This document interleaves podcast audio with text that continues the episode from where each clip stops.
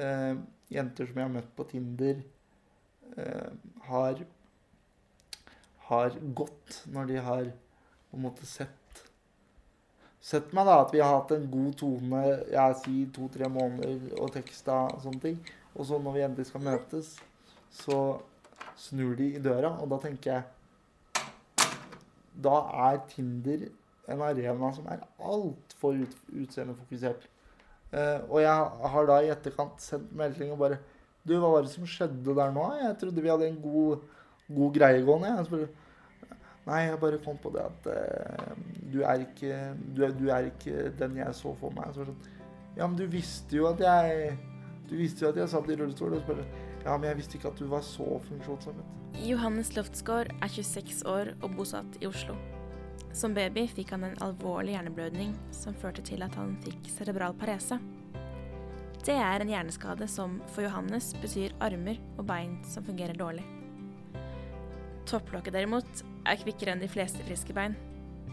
Leiligheten Johannes sitter i, vitner om at han er en rullestolbruker. Kjøkkenbenken er lav, badet stort, og på veggen er det festet en bryter som åpner ytterdøra for han. Johannes er engasjert og åpen. De bøyde fingrene er plassert i fanget når han forteller om et datingliv som en gang var svært aktivt, på godt og vondt når man snakker om Tinder, så, så, forventer man liksom det der at det er blitt bygd opp en sånn one night stands-kultur, og at man bare skal møte sånne kjekkaser man ser på TV eller i Hollywood-filmer. Jeg har aldri vært på one night stand. Som jeg nevnte til deg, så sa jeg jo i et intervju at ja, det kan jeg tenke meg. Eller sånn der, å ta et one night stand når jeg var singel. Men det ble aldri til det. Eh, og ikke det at jeg ikke har prøvd, men, eh, men jeg skjønte det at så fort folk så det at jeg satt i rullestol, så kommer de der fordommene igjen. I 2016 undersøkte en forskergruppe fra Norge, Sør-Afrika og England folks holdninger til å innlede et forhold til en person med en fysisk funksjonsnedsettelse. Konklusjonen i undersøkelsen avdekker at holdningene er gjennomgående negative. Det har Johannes kjent på kroppen. Likevel har ikke kjærlighetslivet hans akkurat vært det man kan kalle mislykka. Og hvem vet vel om fremtiden byr på enda en overraskelse? Det er litt sånn rart, da, å på en måte sitte her nå, eh, tre-fire år seinere, siden jeg da begynte å date, eh, og liksom ha en kjæreste som tar meg for den jeg er. Eh, fordi det husker jeg fra da jeg var litt yngre. Så, så var jeg så redd for at PGA de eh, utfordringene jeg har, så skulle det på en måte ta meg litt lengre tid da, enn andre å finne meg en kjæreste. Og så opplevde jeg ofte det når det ble snakk om det i eh, kompisgjengen, men også av drosjesjåførene mine, som jeg hadde på videregående og ungdomsskolen og sånn. De var sånn der Ja, men det er jo klart at du må jo finne deg en som er i samme situasjon som deg. Du vil jo aldri kunne klare å finne deg noen som er funksjonsfrisk, for det vil være så vanskelig for deg. Og, og da husker jeg at jeg ble sånn Fader hell, da skal jeg i hvert fall finne meg en funksjonsfrisk jente. Eh, og det, og det blei på en måte litt feil, det òg, fordi eh, da fikk jeg litt feil syn på jenter med funksjonsnedsettelse, og det likte jeg ikke, altså. Johanne, som hun ironisk nok heter, er helt funksjonsfrisk. Det ble lange meldingsutvekslinger mellom de to i starten. Og det kostet litt. I hvert fall for Johannes. Eh, når jeg skriver, så bruker jeg bare én tommel. Og det tok altså så lang tid å skrive én melding for meg. Men jeg gjorde det, og det tok meg kanskje sånn to og en halv til tre timer bare å skrive én melding. Men det var så verdt det. Så da når jeg endelig viste henne hvor lang tid det tok for meg å skrive en melding Hun blei så rørt, hun blei så glad, for da skjønte hun hvor mye tid jeg hadde via til å faktisk vise henne hvem jeg var, da. Det var også et av de øyeblikka hvor vi, liksom skjønte at OK, du er in it for the long run. Skal jeg gå på PC-en, tro? Kan du hjelpe meg litt med Johannes bretter opp PC-skjermen og ringer Johanne tilbake. Her har vært stille i to dager, og plutselig prøver alle å ringe meg samtidig. Kjæresten hans studerer nemlig en fem timers kjøretur innover i landet. Fordi Johanne er mest mobil, er det ofte hun som besøker hovedstaden. Og når de ikke besøker hverandre, er det videomøter som gjelder. Johanne har på seg en grønn snekkerbukse. Hun skravler godt. Johannes ser forelsket inn i skjermen, og etter en stund slipper han endelig til.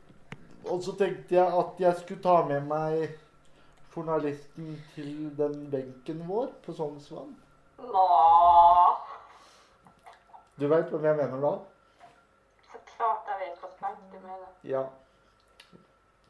For det, det er jo den Det er på en måte den benken vi satt på første gangen vi på en måte tok en tur ut. Bare du og jeg, uten, uten assistent til, til stede. Så det betyr jo litt for Ja. meg og oss begge, da, håper jeg. Mm. Ja, det gjør det.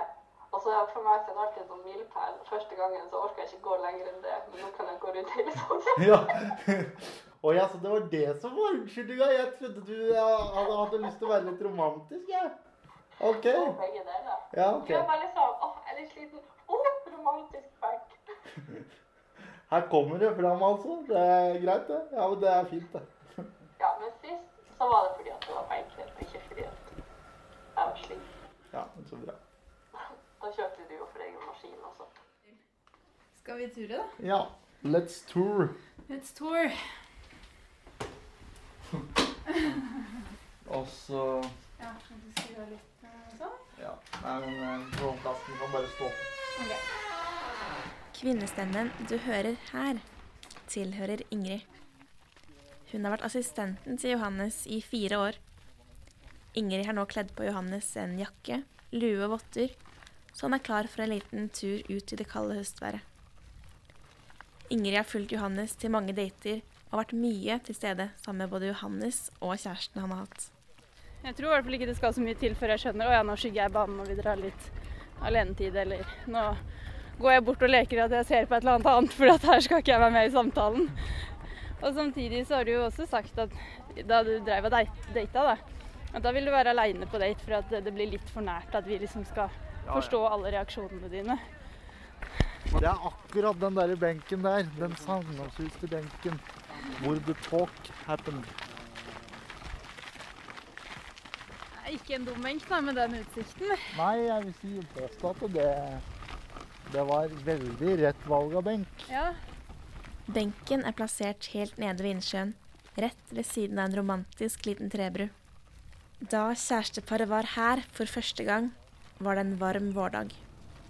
Johanne trillet rullestolen helt inntil benken, satte seg ned på den og holdt rundt hendene til han som nå var blitt kjæresten hennes. Skal vi ta litt sånn um, anti? ja det er der, ja. Eller skal vi ta på Magen til Johannes rumler. Før han skal hjem og snakke videre med sin kjære, må Ingrid få hjulpet han med å handle litt.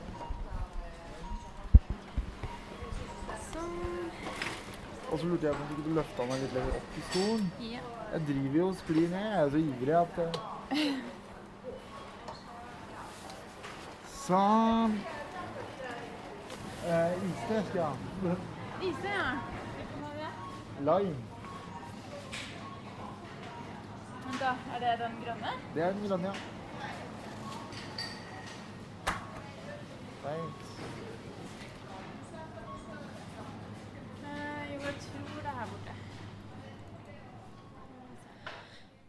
Mange av respondentene i undersøkelsen vi hørte om tidligere, uroet seg for hvor stor omsorgsbyrde et forhold med en med funksjonsnedsettelse ville påføre dem. Heldigvis har Johannes mange assistenter som kan hjelpe han. Og det måtte Johanne bare venne seg til. Det var absolutt en stor overgang å venne seg til det å ha en assistent i nærheten. Finne ut hva, hva blir min rolle i møte med assistenten. Og, og det å bli kjent med Johannes mens det er noen andre til stede, og tørre liksom å vise mine svakheter overfor Johannes og en tredje person. For Ingrid, eller en av de andre assistentene, er til stede store deler av dagen. Og da kan man få med seg litt av hvert. Ja, at vi kan sitte og småkjekle foran assistenten, eller ja, kline foran assistenten. Ja, det er min minste bekymring. Jeg bare er sånn Ja, kjør på, sier jeg. Paret forteller at intimitet og sex også er eksisterende i forhold der den ene har en funksjonsnedsettelse. Til tross for alle fordommene de har møtt rundt temaet. Jeg vet ei venninne Hun spurte ikke med én eneste gang, men når jeg liksom ja, snakket, jeg begynte liksom å snakke litt om han og, og om det at han hadde CP, og så på et tidspunkt, jeg husker ikke når, så var hun litt sånn Ja, men Johanne, tror du han kommer til å kunne tilfredsstille deg seksuelt? Og jeg liksom bare hm? OK, skal vi ta stilling til sånn? Og så var jeg sånn Ja, men det vet jeg jo ikke før man har prøvd. ja.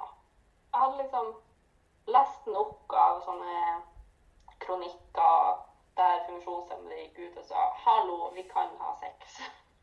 og ja, penisen min fungerer selv om jeg er hemma, eller liksom Til at jeg tenkte at jo, men akkurat det, det finner man ut av. Jeg skjønner at folk lurer på det, men jeg skjønner også helt ærlig ikke hvorfor de Hvorfor det er så Hvorfor folk lurer på det. Fordi det skjer jo ikke noe annet der enn det gjør på andre soverom. På en måte. Det det er liksom Hvis man ikke klarer å få dette på ordentlig Eller sånn den vanlige måten, i anførselstegn, da, så er det jo andre måter å tilfredsstille partneren sin på. Og det, uten å gå i dybden på det, så ønsker jeg bare at ja, det, det fins andre måter enn misjonær, og liksom at man må være på toppen. Ja, og så er det jo, som alle sexologer vil si, det viktigste i et godt sexliv er god kommunikasjon, og det å ha det artig i lag. Og det kan man ha uavhengig av funksjonsnedsettelse eller ikke. Det, det er ei sperre der som bare ikke er satt opp akkurat når det kommer til temaet sex og funksjonsnedsettelser. Der en blir utrolig nysgjerrig på og hvordan funker det. og liksom bare sånn, Ja, men prøv å bruke litt fantasi, da, i det minste.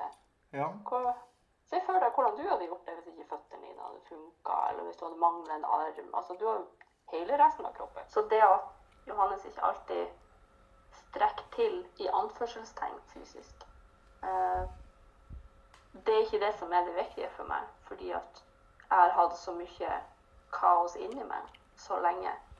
Og da Det jeg har vært ute etter i en mann, det jeg virkelig, eller det jeg har trengt i en mann, var noen som kan støtte meg når jeg har det tungt, og som ja, kan, gi, kan være en heiagjeng, og som kan prøve å komme med løsninger, eller prøve liksom å fortelle meg nå er du, nå bare rabler du, eller ja, som gjør de tingene Johannes gjør for meg.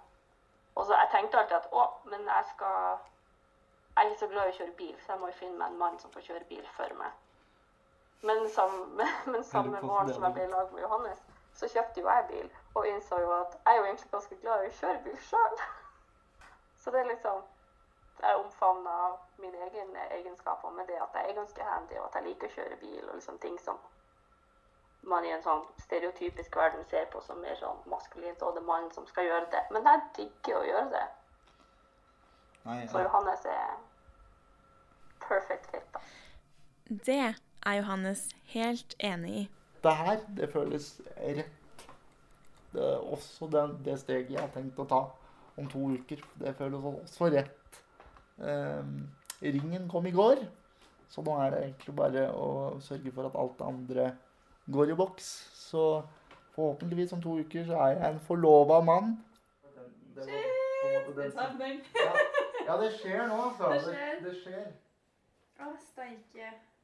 Nei, bra jobba. Nydelig. To uker flyr av gårde når man gleder seg.